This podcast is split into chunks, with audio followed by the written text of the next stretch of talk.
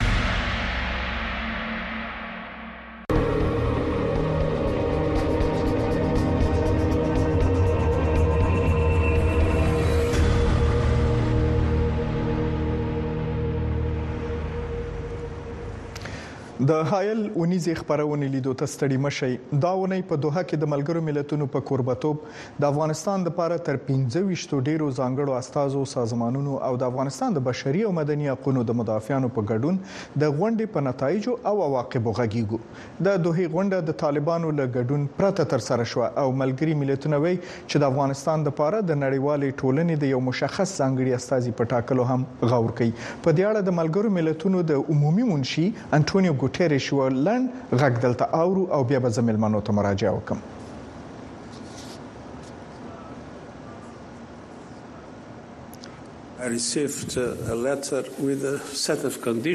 ما یو لیک ترلاسه کړی و چې د غونډې لپاره یو لړ شرایط پکې وو چې د منلو وړ نه وو. شرایط داسې وو چې موږ ته یې دا حق نه راکاوه چې د افغانستان د ټولنې له نورو قشرونو سره خبرې وکړو او د داسې یو چلند غوښتنه پکې شوې وه چې زه ویلای شم رسمیت ورکولو ته ورته وه.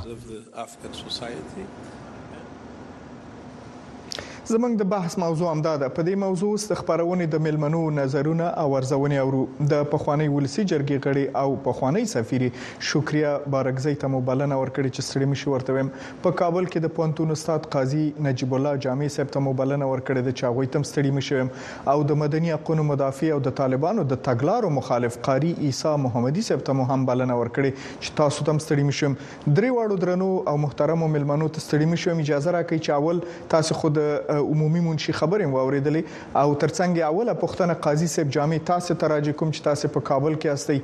ستاسو په نظر په دوهي غونډه کې د عمومي منشي په کچه باندې د نړۍ د استادو سره د طالبانو ګډون د افغانستان د وضعیت البته د طالبانو نه ګډون د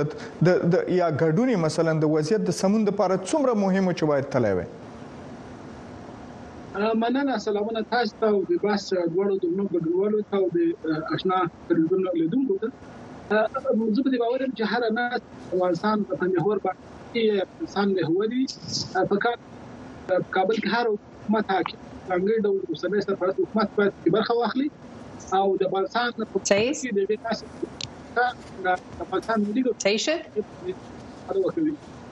د دې تر څنګ هغه دریځ چې په دغه ناسته کې د افغانستان په محور باندې نږدې تر شلو ډیرو هیوادونو یا دوستو ډیرو هیوادونو څرګند کړ تقریبا په ګڼ ټکی د افغانستان د سیاسي رغونې لپاره د ملي رغونې لپاره لنړی سره د افغانستان د افغانستان سره د نړۍ د مثبت شریکتا او په لوی کې د افغانستان په محور باندې په سول او ثبات ولاړو دا زموږ غوښتنه هم دا ده چې هڅه باید وشي چې د افغانانو ټول غږونه باید واورېدل شي او د افغانستان ښه ورځ او عزت هغه ورځ ده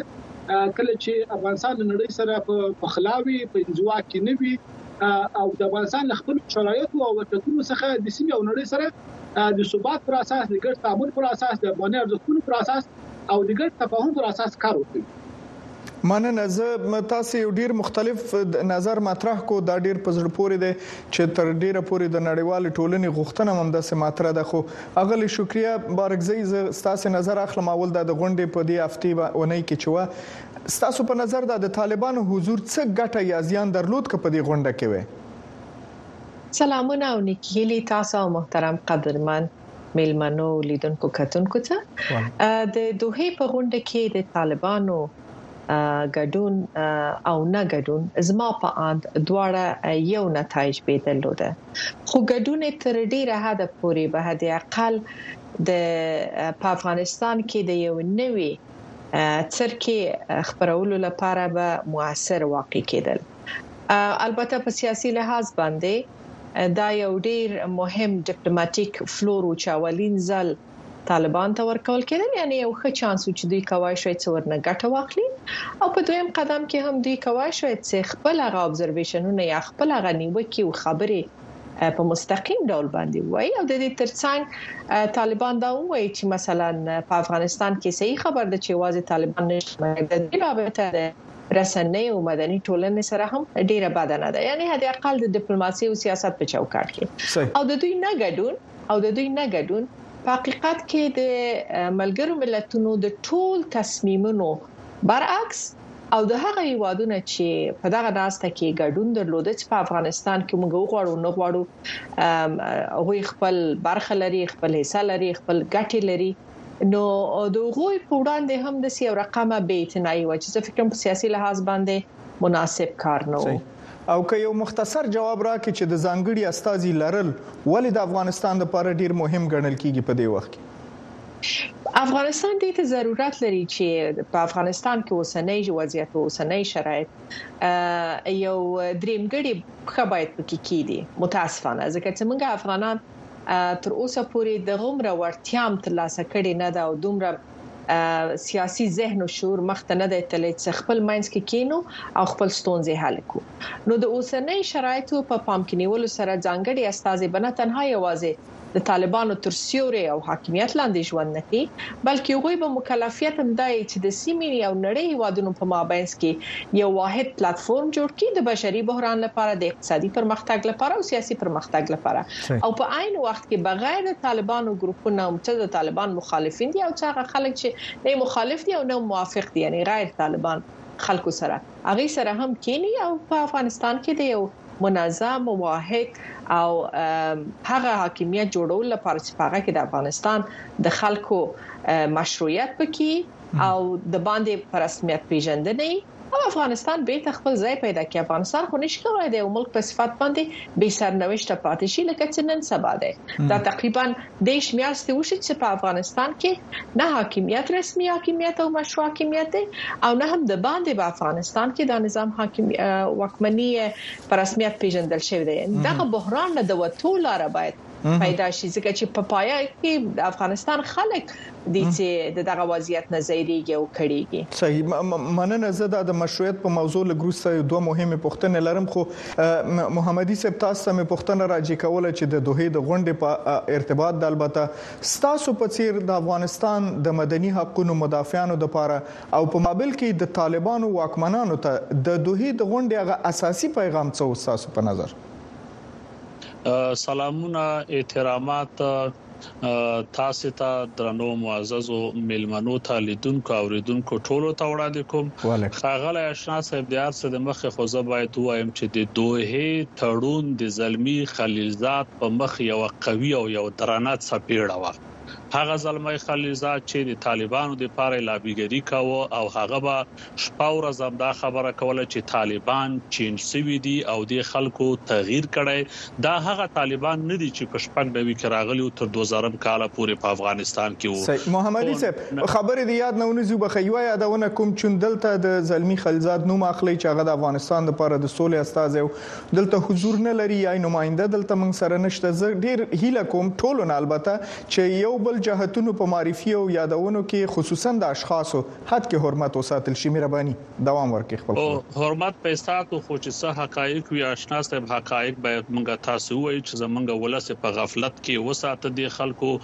او نړیوالو ته هم د دوحې پۀ ناسته کې ثابت شوه چې طالبان هماغه خلک دي چې ټوله نړۍ د یو کلي مثال ورکوي او افغانستان پۀ دې کلي کې یو کور ده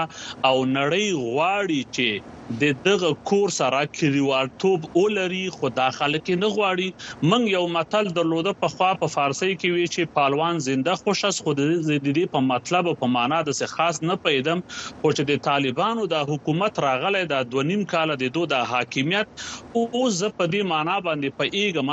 چې دا خلک د افغانستان د ولسونو فقر، غربت، بې کاري، بې روزګاري، ورځ تر بلې افغانستان د انزوا خوا ته تلل او د ټولې نړۍ د کلیوالتوب نه وتل دا دوی ته هیڅ کوم ارزښت نه لري، طالب د پاره فقط یوازې دا ارزښت لري، چې پالوان زنده خوش است او طالب په حاکمیت کې ده او طالب په مزو کې ده او طالب په چړچو کې ده په دوحې په ناسته کې چې څومره په لسګونو دیپلوماتان د مختلفو هیوادونو برخه اخیستې وه ټولو ته دا ثابته شوه چې که طالبانو ته تاسې هر څومره زړه وروړئ او دا خلک راغواړي یو تعامل ته او غواړي چې د دې خلکو سره تعامل وکړي دا د پاکستان د مدرسو تربیه شوي هماغه خلک دي چې د خپل ځان نه بغیر نور نړۍ ته دا خلک هیڅ د قدر او د احترام او د نړۍ سره د کلیوالتوب په هغه لار باندې دا خلک نږدې او دا خلک افغانستان یو قهقرا خواته وړي نو باید په کار دا ده چې نړیوال په یو بل آپشن باندې کار وکړي وخت چې طالب تاسو سره په تیره ناسته کې کې نه ناسته او په دې ناسته کې هم د سره ناسته و نکړله نو په راتلونکي ناستو کې هم دسې کومه ګرنټي نشته ده یا خو به طالب ته تاسې هغه کریډټ ورکوئ چې کوم کریډټ په په په تیر کې ورته امریکا یا په راس کې زلمي خلیلزاد ورته ورکړ او که چیرته تاسې هغه کریډټ نه ورکوئ د دوی ټول فرمایشات نه منئ او طالب تاسې د فاتح په صفت باندې نه مني بیا په هغه صورت کې دوی تاسو سره نه ناسته کوي نه ستاسو خبرې اوري نه تاسو سره تعامل کوي که د افغانستان خلک هرې تباهۍ او بربادۍ ته مخامخ کیږي که افغانستان یوې بلې جګړې ته یو نیابتي بله جګړه په افغانستان تپل کیږي هغه باندې د طالب هیڅ پروا نشته ده فقط فعلا د پاره چې طالب همدا نن ورځ په افغانستان کې کوم حاکمیت مخته وړي او دای په کې په نس موړ ده او په تن پټ ده او یو کاذبانه غرور خپل کړی ده چې ما نړۍ ته ماته ورکړی د د پر همدغه کاذبانه غرور د دې لپاره ارزښت لري مننه قاری صاحب دا تاسو د خبرو په امتداد یو شکایت چې په همدې هفته کې ډیر مطرح شو خصوصا د طالبانو د حاکمیت په اړه غدا او چې د شل کلن مخالفت په وخت کې کله به چې بیرونی نړیوالو ش... ډیرو خصوصي انسټیټیوټونو چې هغه ډیر مطرح نه کله به چې بلنه ورکړه دوی به په ډیرو مشکلاتو یا په ډیرو پروسې وروسته به دوی د پاره د سفر جواز جوړ شو پاسپورتونه به پیدا شو ویزه به وشولې ځکه چې دوی علاقه ډېره لرله چې چین ته لاړ شي، فرانسې ته لاړ شي یا روسیې ته لاړ شي، اما کله چې په خپل حاکمیت کې دي او دومره یو ډوی د افغانستان په سرنوشت چې یو لوی جلسه کېده او مجلس و چې هغه د ملګرو ملتونو عمومي منشي په هغه کې کېني او راتلونکې هفته کې به بیا هم په ملګرو امنیت شورا غونډه کې به پرې بحث کېږي، دوی الته ګډون نه کو پر صورت مننه کور ودان دا مې سه معلومات ته شریک جامع سه پښتنه مې تاسو نه و چې اکثریت په دې نظر شوی دي چې طالبان نورم منځوي او د مشروعیت تر لاسه کولو لري شو په دې کار چې دوی په دوه کې ګډون نه کو فکر نه کوي د طالبانو دا پریکړه د 2001 کال هغه دریس ته ډیره ورته ښکاری چې د اسامه بن لادن د نسپارلو لامل به رژیم ټول سقوط کو او ټول نړۍ ورپسې ورغله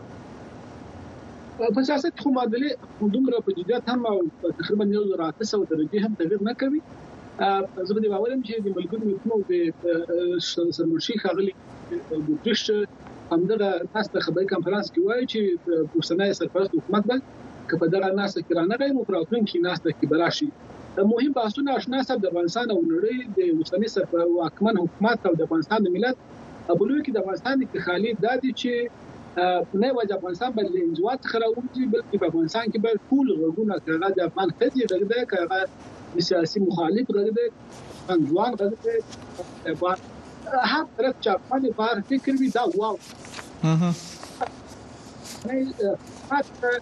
دی وايي چې د نړۍ سره دریځونه نږدې کړي، د نړۍ د مشروع شرایطو پر اساس باندې چې په فکر کوم لوی برخه دغه شرایط د افغانستان د ملت هم ورسره شریک دي، لکه د افغان لور ښوونځي او پوهنتون ته تګ، د افغان ښځو د کار بحث، په افغانستان کې د سیاسي فضا د خلاصولو بحث، د اساسي قانون بحث، د افغانستان ملت ته د مراجعې بحث او ټول هغه بحثونه چې افغانستان د تاریخ له یو نامناسب ګړنګ څخه چې تقریبا د استخباراتي او سیاسي لوبو په پدریس کې د هیواد د جغرافیا د ملت او زموږ هلي قرباني شوې دي د دې څخه راوګرځيږو او هغه اجماع چې سیمه ونړي د افغانستان پر ثبات لري یعنی لا هم د امریکا دغه خبره نه مني و جامع صاحب دغه دغه جامع صاحب وبخه چې مداخله کوم خو دغه پیشنهاد خو د دې دونیم کالو نه یا د شکریا جان په وینا چې ډیر میاشتې شولې چې دونیم کالو نم ډیره موده شو چې دا غوښتنه ورته چې مدني ټولنې د افغانستان کوي، ستاسې په څېر د پوهنتون استادان، متخصصین، پالیسي جوړونکي، مدني ټولنه، نړیواله ټولنه، ګاونډي هېوادونه ټول ورته دا غوښتنه کوي، دوی ولې په دغې باندې ډېر کلک دي چې باید د تعلیم او تحصیل اجازه ورنه کړي یا نورو ته، نورو اقشارو ته د یو اساسي قانون په چوکاټ کې د یوه نظام جوړولو زمینه نه برابروي؟ ولې نه کوي؟ تاسې خو هلته د نږدې نه ګورئ، دوی کوم اختلاف دروني لري دا طالبان مشران خپل منځ کې؟ که بله ايره لري. زه په دې باور یم چې اشنا صاحب افغانستان په یوویشتمه پېړۍ کې د نن نسل غوښتنې لري، موږ مدني ټولنه لرو، موږ د افغانستان داسې ښځې لرو چې هغه د غږ او اختیار خاوندانې دي، په افغانستان کې لسګونه او سلګونه سیاسي جهتونه دي، د افغانستان ځوانان دي، نو د دې ټولو غږ که نه اورېدل کېږي بیا د حکومت کولو فرصتونه هم کمېږي، بیا د تاریخ تکرار حتمي کېږي، بیا د افغانستان انزوا چې د افغانستان دښمنان ورته خوشاله دي او غواړي چې د ملت د تاریخ کې وي ورته رسیږي او څوک چې هم د واک بس کې د پاتې کېدلو فکر لري هغه باید د افغانستان د ملت هم موافق د دې غوښتنې کوي او کوم مخالفت کوي اول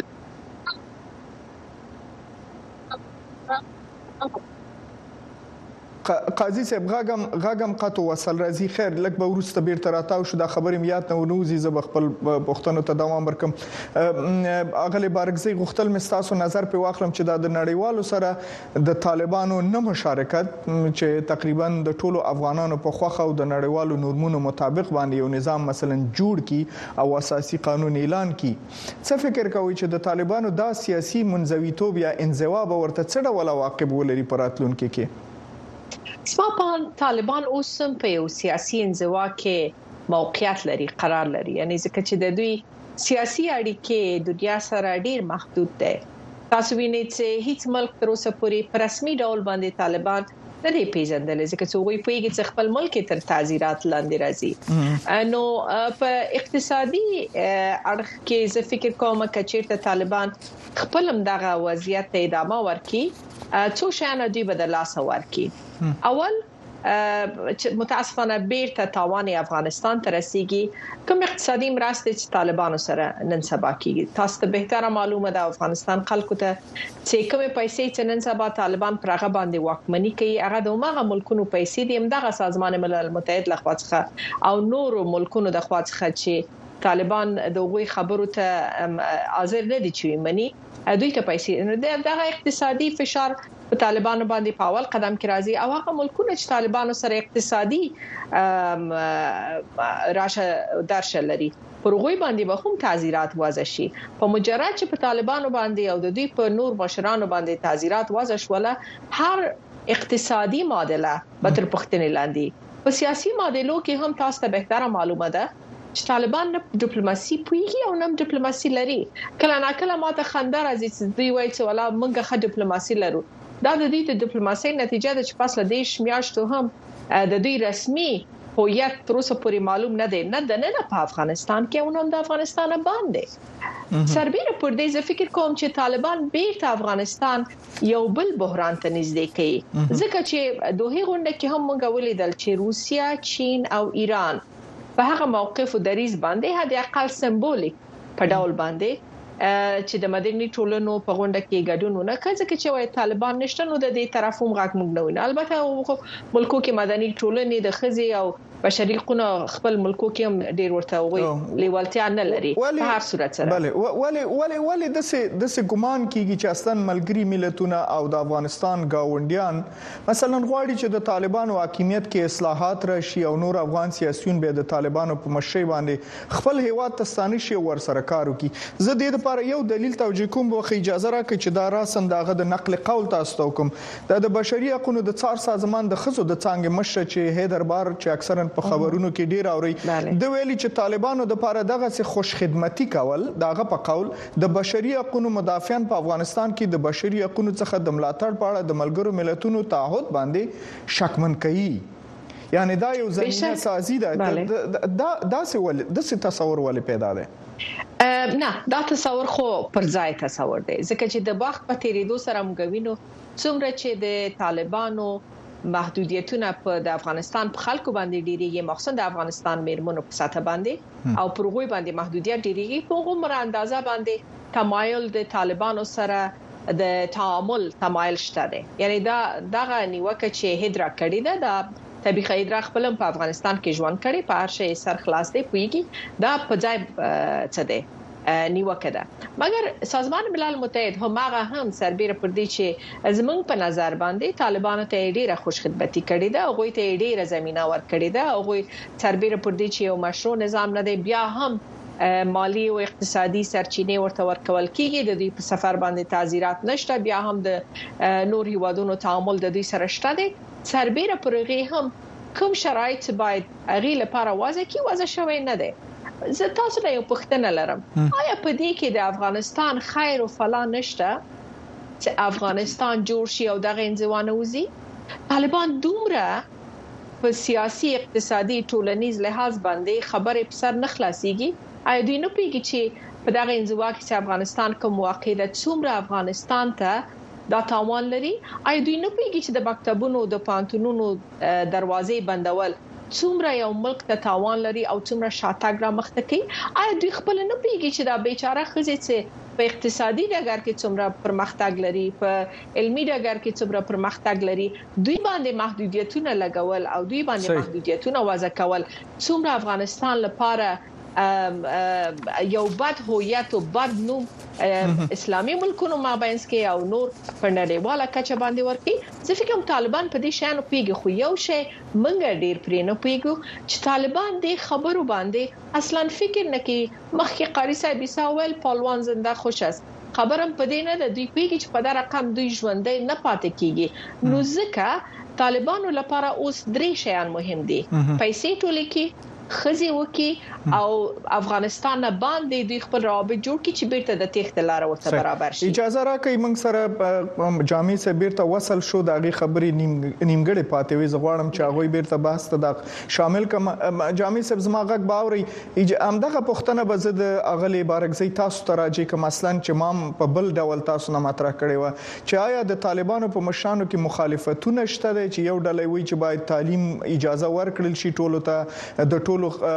اقشارو ته په حکومت کې سهم ورکړل شي انتخابات دي انتخابات خو نه وایي خو وایي چې د خلکو په خوښه دي حکومت جوړ شي مګر بله ډله مطلق فرمان ورکوي هیچا ته اجازه نه ورکوي وایي که څوک راځي افغانستان ته دلته دې راشي غلي دي کینی اجازه هم نشته چې فعالیت وکړي دغه دوه دوه دریزونه ولې په افغانستان حاکمیت کې هم دا اوس موجود دي ستاسو برداشت د دې نه څه دی او څه مشکل لري که د افغانانو په خوخه یو نظام جوړ کړي ستونزه یې څه ده دا خو یعنی دوی ته ډیر کریډټ یا اعتبار ورکوي قطعا اشنا صاحب په افغانستان کې هر ډول نظام چې هغه په ولسواکي اند ولس په غوښتنو باندې نه یو لړ د افغانستان ټول سیاسي ملي قومي او ټولنیزه تنوع پکې منل شوې نه وي د افغانستان د ملت ټول د واه حقونه وشول شوی نه وي د وخت وختنې پکې او احترام نه وي شوی دا به ناممکن وي چې حکومت والو وسی او افغانستان خو تاریخي دښمنان لري تاریخي اساساتونه لري د ټول باید پام وسی زموږ ټینګار په تعلیم باندې د خځو په حقوقو باندې د افغانان په وحدت باندې او دا چې هر افغان حق لري په دې جغرافیا کې هیواد ته خدمت وکړي جغرافیې ته خدمت وکړي ولست ته خدمت وکړي او دې حق لري او دې چانس به ورکړل شي او دا چانس به د اساسي قانون پر اساس ورکړل شي تر هغه دی چې زه ګورم او کابل او د افغانستان په ګډ وډ کې وضعیت مطالعه کوو یا د بعضي خلکو خبرې اورو زه په دې باور یم چې دوی البته هغه څه چې موږ اورو دوی وایي چې موږ دې څه ته آماده یو ولی وای وخت راکې ولی موږ زموږ استدلال دا چې په هیڅ ډول باندې د نجونو د ښوونځیو په برخه کې یوه ورځ وخت ضایع کول دا د افغانستان یو کال یا یوه پېړۍ شاتګ ده. که تاسو غواړئ چې سیاسي اجماع په دغه ډول راولئ چې تاسو خوښه ده، نو دا خو بیا په لوی لاس باندې د خپلو مخالفینو ته او د افغانستان مخالفینو ته فرصت ورکوئ. که تاسو غواړئ چې په پردیو مېزونو باندې نور خلک درته افغانان راټول کړي ولی دا فرصت په کابل کې نه برابروي چې په کابل کې د افغانستان په پلازمینه کې چې زموږ د ملي ګټو او د موږ د سیاسي ګټو قبله ده دلته که په هر فکر افغان ده که غستا مخالف ده که د سر جنگیدل ده که د دوست ده که د یار دا باید دلته کیږي هغوی ته باید فرصت ورکړي چې د افغانستان په سیاسي راتلونکي خبرې وکړي موږ نه وایو چې تاسو چاته چوکۍ ورکړي چاته وزارتونه ورکړي نه حق ورکړي چې د افغانستان راتلونکي هغه نظر ورکړي صحیح. اول کړئ چې د افغانستان په راتلونکي هغوی د هغوی فکر وکوي اول کړئ چې د افغانستان په راتلونکي هغه خپل ځان وګوري دا ښځه دا مخالف او دا او دا ستا موافق نو زه په دې باور یم چې داسې ډول داسې خبره چې دوی دا ټول رد کړي نشته ولی داسې واضح پیغام چې دا مسلې حل کړي راټول کړي او افغانستان نړۍ سره ونښلي موږ له ستونزو راوځي دغه سي واضح پیغام هم بیا نه دوریدل موږ غوښتنه دا ده چې افغانستان باید له دغه وضعیت څخه آشنا صاحب راوځي دا هیواد د ټولو کور دی د هزاره کور دی تاجک کور دی مخالف کور دی په دې هیواد کې باید آشنا صاحب سیاسي او ټول فعالیت جامع صاحب مننه وخت زما ډیر کم پاتې دی او تاسو جواب ما اصلا واخستو لیدونکو په دې پوه شو زه یو یادونه بل وکم چې د دوه د غونډې نورسته د ملګرو ملتونو عمومي منشي یو بیان ورکو یعنی په ایکس پاڼه باندې لیکلي دي د ویلي دي چې د افغانستان د خزو جنو په کار او زده کړو باندې ظالمانه بندیز باید حتمان لري شي دا د هغه ټکی چې پس د مجلس نه ویل دي قاری صاحب عیسی تاسو نه مې غوښتله یوه پوښتنه وکړم منګه یو فکر کوم ټولي 15 دقیقې نورې لرو خو که تاسو دوه نیمو دقیقو کې جواب راکړئ نو بل باقي عمومي پوښتنې ته به مې یو وخت ولرم ولې د دې دوحې غونډې کې مثلا د طالبانو مخالفو جبهو استازو ته بلنه پکې نه وه ورکړل شوې هیڅ اهمیت ورنه کړل شو منګه د طالبانو په باره کې ډیر وغږیدو اما مخالفینو ته خو هم څه هم نه ورکړل شوې ستاسو باور څه دی په دې اړه تر یو حده پورې چې موږ په جریان کې وو داسې ویل کېده تر لنډو ورځو پورې چې په هغه کې به سیاسيون هم فعالیت هغه ولري ګډون ولري بیا وروسته داسې خبر راغی چې نه د طالبانو د مخالفت لوجنه چې هغوی نه غواړي چې سیاسيون پکې ګډون ولري نو هغه د تبل بڼه ورکړ چې مدني فعالان هغه پکې برخه ولري دلته هم طالبان مخالفت کاوه دوته د یو قسم کریډیټ دې خلکو ته ورکړل سو سیاسیونو ته اجازه ورنکړل چې پکې برخه واخلي او دغه مدني فعالانو هم چې برخه واخسته په دې کې هم ځینې داسې کسانو لکه ځکه مستقیم نوم واخلم د پانتون استاد فیض محمد ځلاند چې دا هم د طالبانو یو لابیګر ده او د طالبانو تر څنګ په قطر کې ناست و، د جمهوریت په سقوط کې تر ډیر حده پورې دې خلکو مبالغه وکړله او تبلیغات یې وکړ، هغه هم تقریبا غیر مستقیم د طالبانو له خوا نه پکې برخه اخیستل شوې وه، نو زما په نظر باندې چې د دغه ګډون نه وروسته چې اوس حتی د ملګرو ملتونو سرمنشي یې هم تر یو حده پورې عصباني کړی او په غوسه کړی چې د طالبانو کړنو ته یې ظالمانه خطاب وکړ.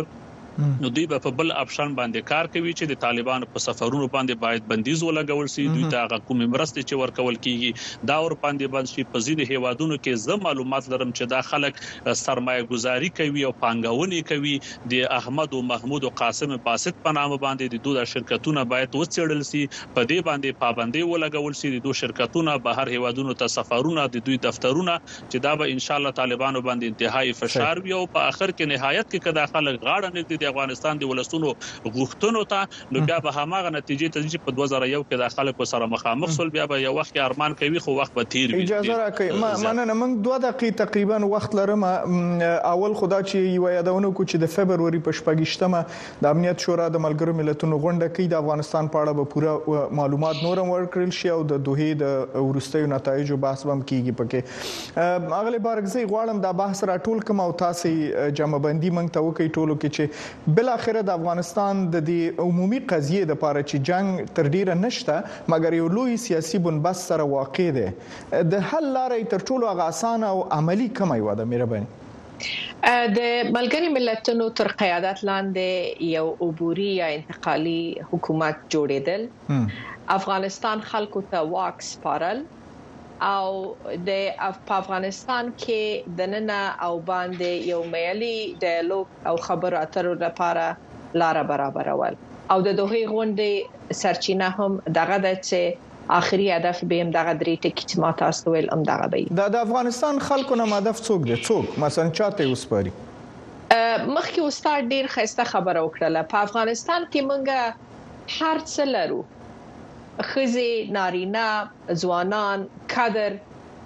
او هر یو ځانته یو سیاسی فکر لری مګر ایا د افغانستان خلک لکه امریکا لکه پاکستان ایران روسیه نور ملکو په رقم باندې نشي کولای په خپل لاس باندې خپل سیاسي سرنوشت تعین کړي کله چې مال چې یو بې پرې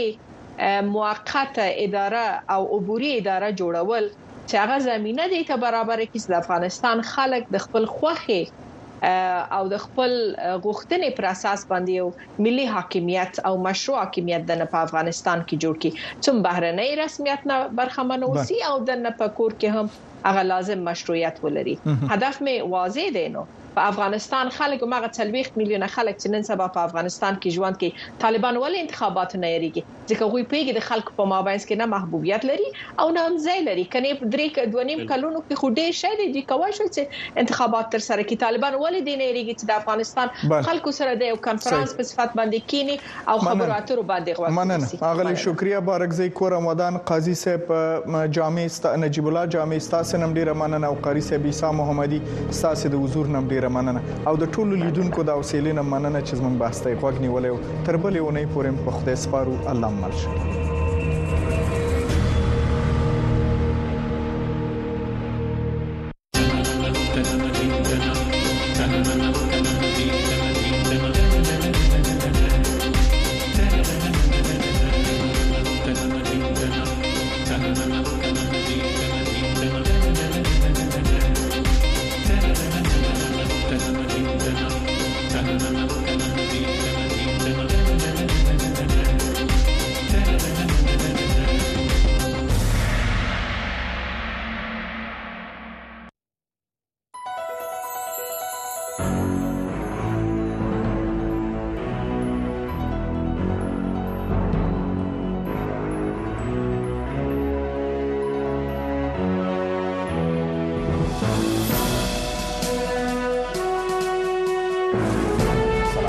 جمعه د 2023م کال د فبرवरी 23مه نیټه ده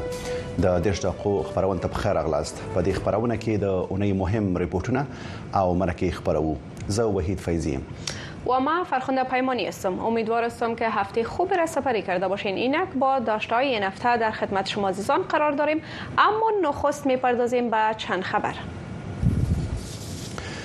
د افغانستان لپاره د متحده ایالاتو ځانګړي استاذ توماس ویسټ د قطر پلازمینې دوحه کې د افغانستان په تړاو په جوړې شوې غونډه کې د ګډون وروسته ویلي چې د دې غونډې ټولو ګډونوالو غوښتل چې دا وګوري چې افغان مېرمنې او نجونې زده کړو کار او په ټولنه کې عام ژوند ته بیرته ستنې شي خغلی ویسټ د ایکس په ټولنیزه شبکه کې په څو پرله پسې پیغامونو کې لیکلي چې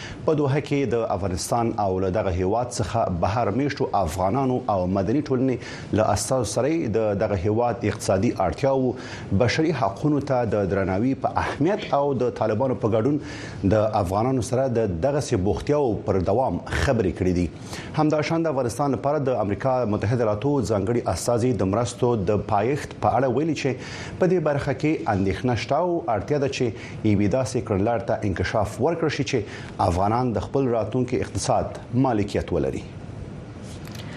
کمیته بین المللی نجات میگوید که رویکرد تازه روابط بانک جهانی با افغانها علاوه بر جلب حمایت از ارائه خدمات به افغانستان در زمینه اشتغال به شهروندان این کشور نیز کمک می کند این کمیته روز پنجشنبه 22 فوریه در اعلامیه گفت که کرد جدید روابط بانک جهانی با افغانها از میلیون ها افغانی که از بحران انسانی جنگ طولانی تغییرات اقلیمی و فراز نشیب های اقتصادی رنج میبرند حمایت می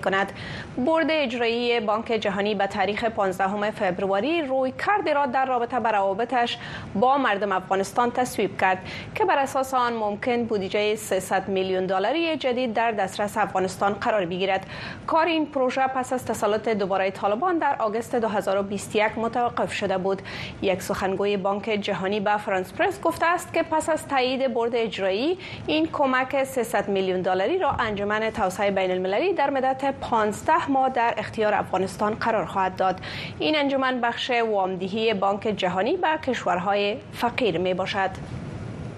پر روسیې د امریکا د نوي بندیزونو له اعلان څخه یو ورځ مخکې د امریکا د بهرنیو چارو وزیر انټونی بلینکن ویلي چې په اوکران کې د جګړې پای ته رسولو په موخه د جیشل ډلې ترمنځ قوي هوډ لیدل کیږي خغله بلینکن وایي چې نه یوازې د جی شل بلکې د جی و ډلې زیات شمیر هیوادونه هم غواړي چې په اوکران کې جګړه پای ته ورسیږي او سوله ټینګه شي بلینکن دا څرګندونه د برازیل په ریو ډی جنیرو کې د جی شل ډلې هیوادونو د بهرنی چارو وزیران ترمنځ لغونډې ورسته کړې دي د متحده ایالاتو او نور هیوادونو لخوا د مسکو منځوي کولو سره سره د هیواد په ډیپلوماټیکو فعالیتونو بوخت دی او د بهرنی چارو وزیر د جی شل هیوادونو په ډله کې ګډون کړی دی په دې غونډه کې د روسیې د بهرنیو چارو وزیر سرګی لاوروف له ډیپلوماټیکو لارو د اوکراین د جګړې پر پای ته رسیدو خبرې کړې دي. رئیس سازمان ملل متحد که به بیجا شدگان فلسطینی کمک میکند روز پنجشنبه هشدار داد که این اداره در نقطه شکست قرار دارد و توانایی این اداره برای کمک به میلیون ها فلسطینی که بیجا و آواره شدند در تهدید جدی قرار گرفته است فلیپ لارازینی کمیشنر عمومی از این وضعیت ابراز تاسف کرد و گفت که اداره تحت امرش پس از درخواست های مکرر اسرائیل برای منحل کردن این اداره و خودداری کشورهای کمک کننده از ارسال پول به این اداره آن را به نقطه شکست رسانده است این در زمانی صورت گرفته است که غزه بیشتر, بیشتر از هر زمان دیگر به کمک های دوستانه نیاز دارد او در برنامه او در نامه به رئیس مجمع عمومی سازمان ملل متحد گفته است که بدون بودجه جدید عملیات این اداره در سراسر سر منطقه از آغاز ماه مارچ به شدت به خطر مواجه خواهد شد این در حال است که این اداره بیش از این نیز با مشکلات مالی شدید روبرو بوده است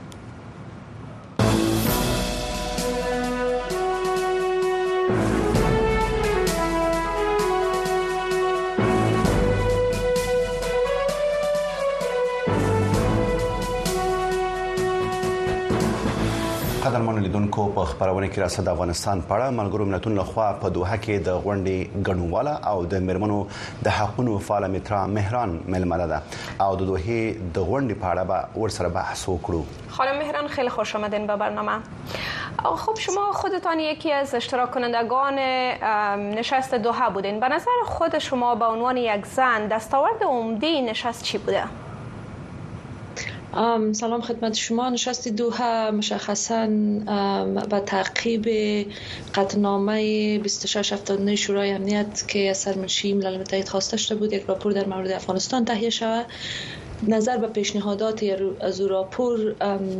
دایر شده بود که آجندای مهمی این نشست مشخصا اول تعیین نماینده خاص برای افغانستان نقشه را و همچنان گروه ارتباط بود. جلساتی که در طی دو روز جلسات بین دولت ها و جلسات عمومی بین نماینده خاص و سرمشی ملل متحد و همچنان نماینده خاص با نماینده جامعه مدنی که از طرف افغانستان اوجا حضور داشتن صورت گرفت من نتیجه خاصی که به انجام تعیین نماینده خاص ختم شود اوتری نتیجه اتفاق نیفتید اما بحث هایی که صورت گرفته در مورد حقوق بشر حقوق زنا و ای که اون چقدر اساسی است و بحث هر نوع رسمیت شناسی طالب در عدم احترام حقوق زنان و حقوق بشر از طرف تمام کشورهای حاضر در جلسه منتفی است مهران که څه هم تاسو د نتایجو باندې شک خو د کوم شان چې د دوه په غونډه کې ور باندې خبرې وشي او بحث وشو تاسو د قناعت وړ دي کنه کنه څه باید شوي وي متاسفانه اجماع بین المللی که بتانه به وضعیت بحرانی که در افغانستان است و جوابگویی بسیار عاجل نیاز داره او اجماع بین المللی را نتانستند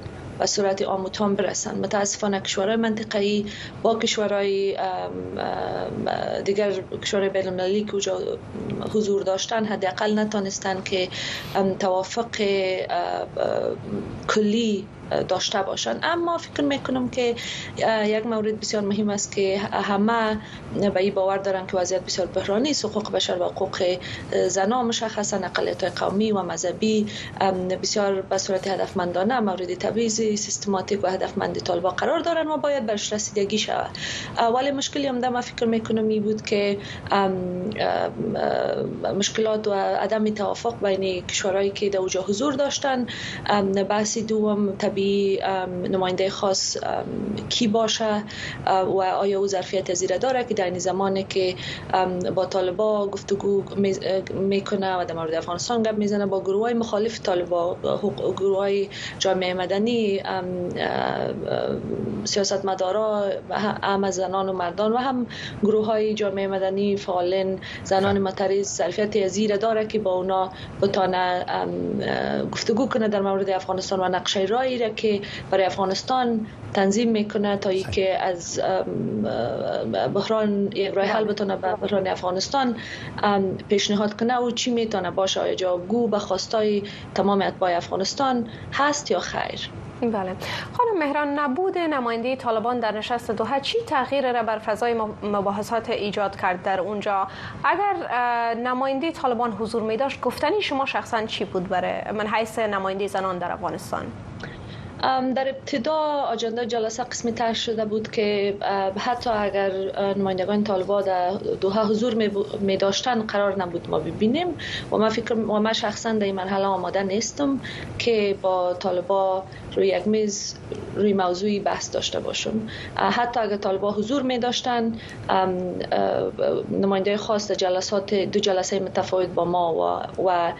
طالبا می داشت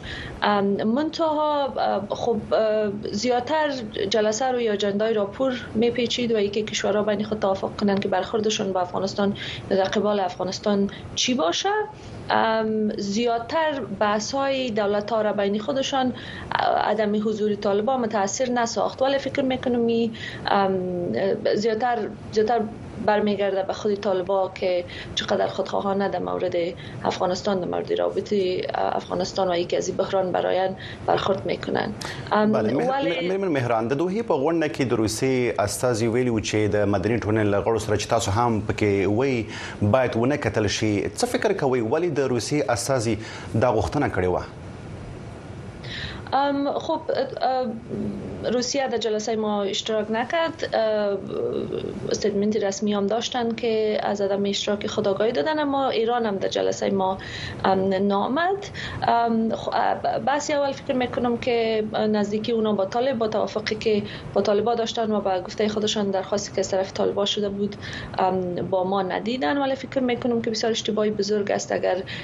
کشورهای منطقه ای یا هر اقدام دیگه ای که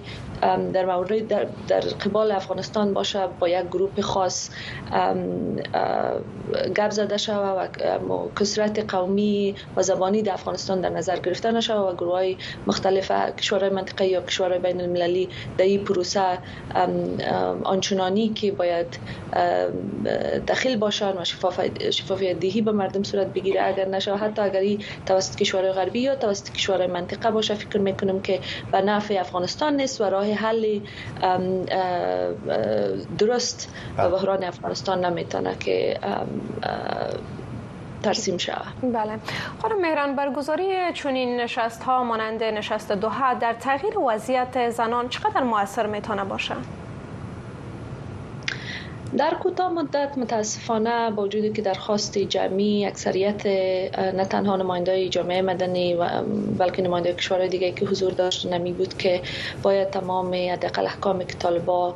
صادر کردند که محدودیت های بیشماری را روی زنا وضع کرده و تمام حقوق اساسی زنا را ازشان گرفته حداقل او احکام برداشته شوه ولی در در کوتاه مدت که یک ماه دو ماه دیگه پیش رو آدم میبینه تغییرات آنچنانی نمیاره ولی برای من حداقل یک امر خوشبینانه است به دلیل از اینکه با تمام اتفاقات که مثل در یوکرین یا در ساهای اسرائیل و غزه اتفاق میفته هنوز به بحران افغانستان توجه کشورهایی که هم از نگاه دونر یا از هم از نگاه کشور منطقه‌ای دخیل هستند مورد توجه است یا در موردش بحث میشه برای یک نقشه رای که بتانه رای حل برای افغانستان باشه روی از او حرف زده میشه اما متاسفانه آنچنانی که وضعیت بحرانی است و آنچنان عمل کردی عاجل و منسجمتری که از جامعه مدنی وضعیت افغانستان میطلبه اوطوری یک چیز من نمی بینم اما اما برای من یک چیز خوشبینانه است اگر بتانه قادر بسازه پروسه هایی را که بر علاوه برخورد با افغانستان یا ای که کمک های بشر دوستانه چطوری بره یا نماینده خاص که باشه که در مورد بله. میکانیزم های جوابدهی حقوقی هم برای طالبان اینا بتانن کار کنن تا بتانه به مزل افغانستان حداقل رسیدګي شوه مېرمن مهران په داسې وخت تاسو ورته اشاره وکړه چې نړۍ په هغه شکل چې افغانستان ته باید پام وکړي او توجه وکړي په وس وخت کې د نورو مسایلو له کبله ورته پام نه کوي د افغانستان د وسنی وضعیت څخه د وټولو حل لار په څه کې تاسو وینئ چې نړۍ وکولای شي سره منسجم شي په اصطلاح د افغانستان د خلکو سره همغږي شي په دغه مسایل چې تاسو ورته اشاره وکړه ستونزې دي یک یک بحثی که فکر میکنم در اوجا از طرف حداقل اکثریت نماینده های جامعه مدنی طرح شد بحثی بود که بحران افغانستان هر قدر زمانگیر شود همه قدر وضعیت افغانستان بدتر میکنه بحثی که زنها زمان بسیار زیادی را از دست میدن دخترهایی که مکتب نرفتن اگر یک سال دو سال دیگه نرن مجبور به ازدواج اجباری میشن یا مسائل بسیار متفاوت دیگری که دیگه هیچ وقت شاید نتانن دوباره به مکتب بر بگردن موضوعی از این که کریکولم درسی طالبان چقدر تمام مکاتب طالبانی کرده و تا چند سال دیگه ایدئولوژی یا متفکری دگمو طالبانی خود در بین شاید قشر جوان مرد افغانستان تزریق که باز نجات افغانستان از او انجلاب بسیار سخت باشه به او دلیل ما فکر میکنم یک مورد بسیار بحث که بر ما مازار دهنده است می است که چقدر و ما در سخنانی خودم میره مطرح کردم که چقدر رقابت های منطقه‌ای و بین المللی میتونه از, از زن و مرد و آزادی افغانستان بگیره و درخواست ما از ایشانی بود که حداقل در مورد افغانستان منسجم منسجم تر باشند یک پیام واضح تر به طالبا داشته باشند تا ای که هم از نگاه مشروعیتی نه ای که مشروعیت بین المللی مهم باشه که مشروعیت داخلی اونا نیز یک بحث بسیار کلان است و انسجام و قدرت بله. کشورهای بین المللی در مرحله بسیار مهم است که تا ما بتانیم حداقل به وضعیت بعد افغانستان زودتر یک جواب را کنیم د دوه درسته غونډې و غنواله او د میرمن د حقونو فعال میترا مهران ډیر زیات مننه چې په دې بحث کې لموږ سره مو ګډون وکړ یک جان سپاس از حضورتان تشکر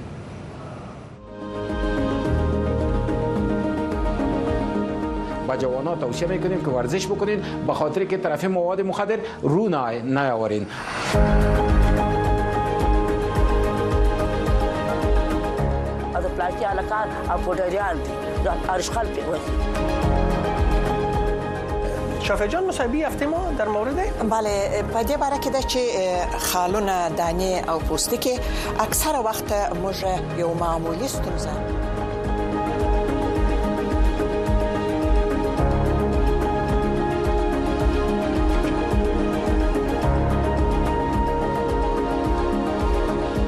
این برنامه را شنبه ها ساعت 5 عصر با وقت کابل از ستلایت و شبکه های اجتماعی دری و پشتوی صدای امریکا مشاهده کرده می توانید.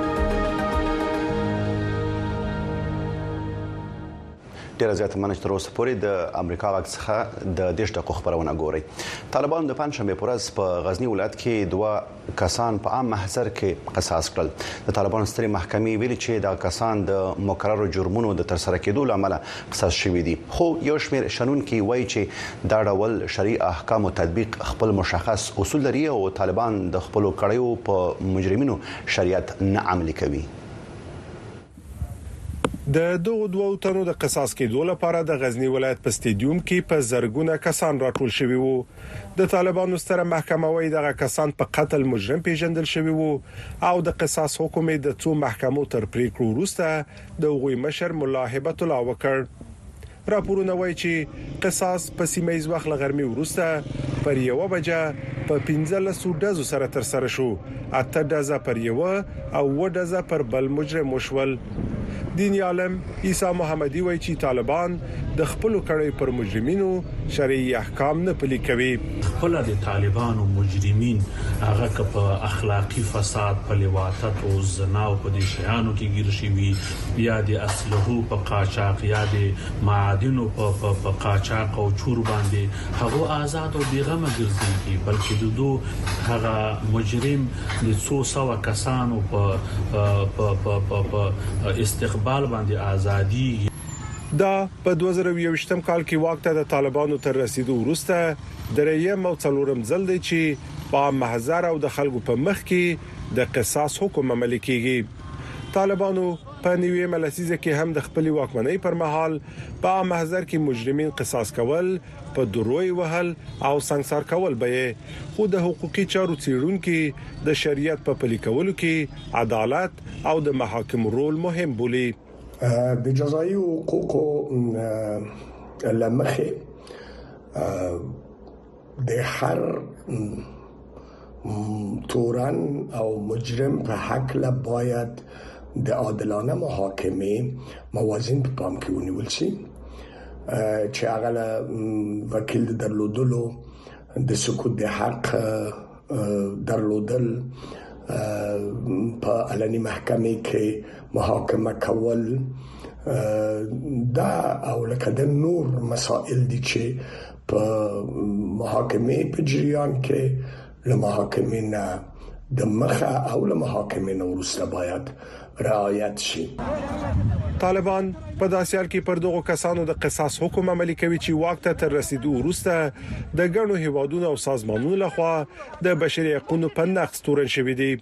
تر دې مخکې په پنځیر او یو شمېر نورو ولایتونو کې د طالبانو د اړوندو کسانو لخوا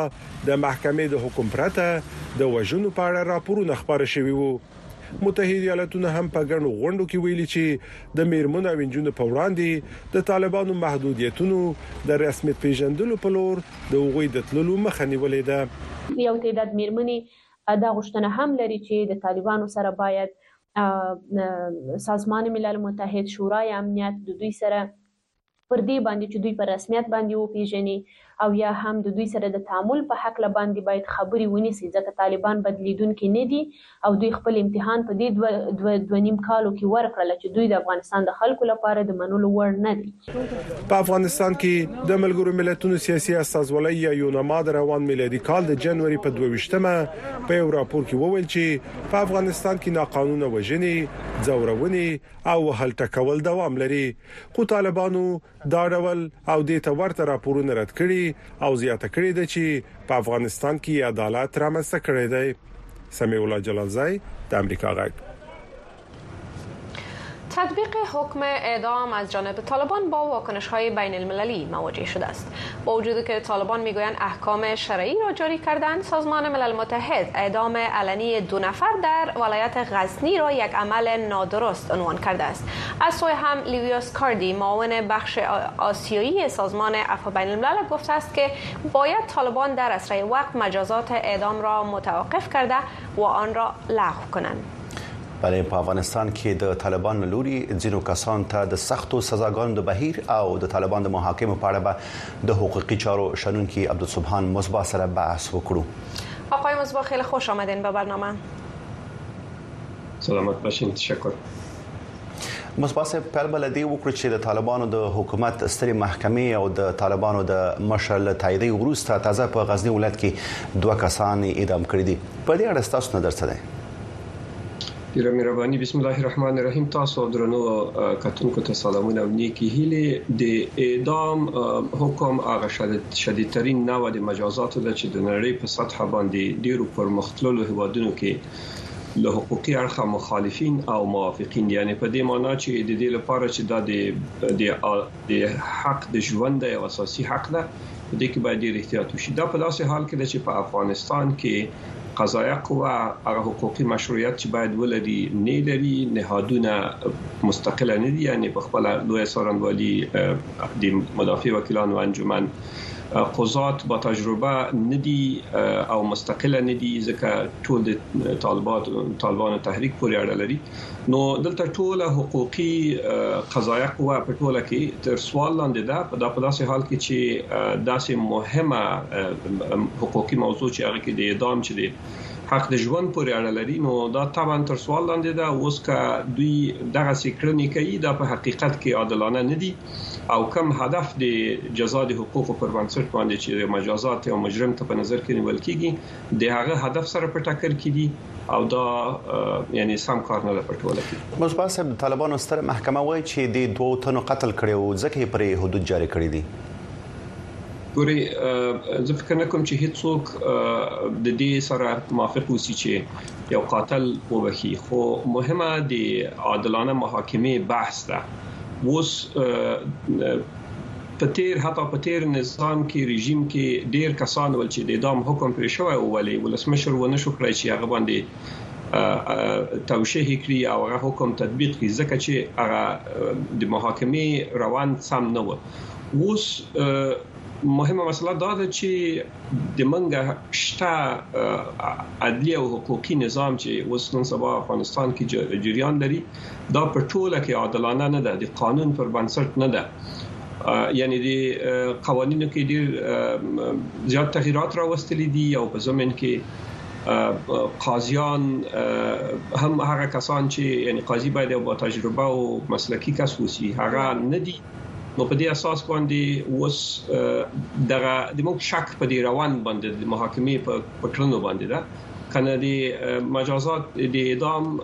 او د قصاص د افغانستان په حقوقي نظام کې لسلو کلونو را پدې خوشتون درلود حتی لدی په خوا هم او دا له حقوقي اړخه کوم ستونزه نه لري یعنی جزا په کوټ کې د شتون لري او تعزیری مجازات بیا په خپل شریعت پورې حنفي فقه پورې اړه لري اما دغه شکلی موارد ډیر مهم دي یعنی په ماهوی لحاظ باندی جرم پیژندل شوی ده په افغانستان کی د اعدام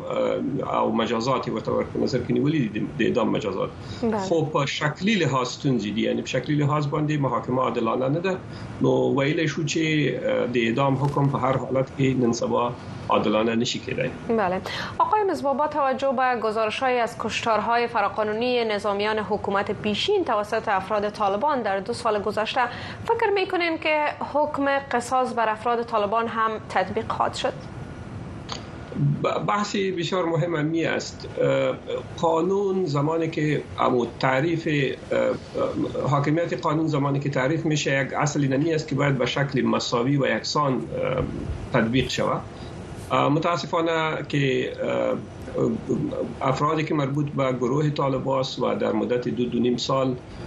جرایم زیاد را مرتکب شده که به انواع مختلف است ولی متاسفانه که ما هنوز شاهد مجازات کسایی که مربوط اینا هستند نیستیم و این مسئله تاثیر بسیار جدی داره به خاطر که افراد یعنی عام مردم نسبت به می نظامی که فعلا در افغانستان وجود داره ترس در از نشان پیدا میشه فاصله میگیره و این ای, ای موضوع کاملا غیر عادلانه است متاسفانه که ما شاهد همچو وضعیت ها هستیم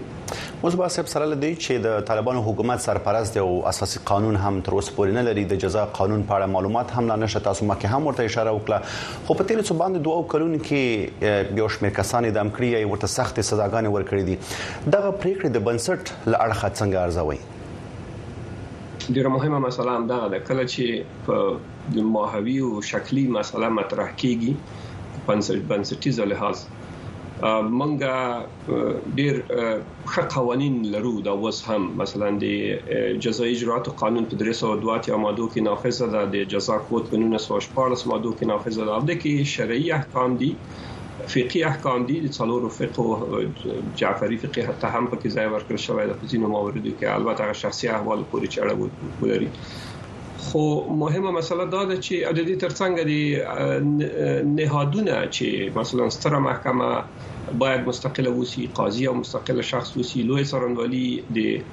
په تیر اساسي قانون کې د تعریف شوی ول چې اجرا پوری اجرا اجرا قوی پوری مربوطه ده ول په خپل کړنو کې مستقله ده بیا موږ یو مدافع وکیلانو انجمن درلوده چې هغه باید مستقله و او د دې ترڅنګ مثلا د قوانینو شتون کم قوانین چې په دې شلو کلونو کې ور باندې کار وشو هغه په نړیوالو معیارونو په شریعت سره په د افغانستان عرف او دا ټول ضرورتونه پر بنسټ اوس په همدغه اساس موږ ویلی شو چې بنسټونه سم نه دي دغه عدلی او قضایی سیستم چې نن سبا دوی مروجه کړی د طالبانو دا بله. عادلانه نه دا د دوی په اذهانو مربوط محدود یو نظام ده نو ځکه موږ ویلی شو چې د دوی کړنې په ټوله کې د عدالت سره په ټکر کې دي او په دې کې لازم چې دوی ډیر جدي تغیرات راولي تر ټولو مهمه د مشروعیت موضوع ده بله. او له هغه آقای مزبان بله خب از لحاظ حقوقی بر تطبیق حکم قصاص و اعدام کدام تای مراحل قانونی ضروری است اگر میشه مختصر جواب بدین خب، بحث از لحاظ حقوقی آغاز پروسه که یک متهم به جرم جنایت محکوم میشه مجازاتش در نظر گرفته شده الا تطبیقش یعنی زمانی که خوب مراحل خاص خود را داره زمانی که یک شخص متهم مجرم شناخته میشه و مجازات توسط قاضی اعلان میشه که گویا این شخص باید اعدام شود و یا هم بحث قصاص موضوع مربوط حق العبد است مربوط شخص است اگر عفو میکنه باز در قصاص عفو مطرح است اما مهم روان دی تطبیق از او است که او در در قانون اجرات جزایی به شکل مشخص تحریر شده بله. او بخې مصباسب چې موږ د خبرونه په ورستیو شیبو کې او ساسو خبرو مقطع کله خو بیا هم ډیر زیات مننه چې په دې باس کې لموږ سره مو ګډون وکړ یک جان سپاس بینندای عزیز قسم که میبینیم ما هم به ختم برنامه نزدیک میشیم شما را به لای پاک میسپاریم داود دیونی خبرونه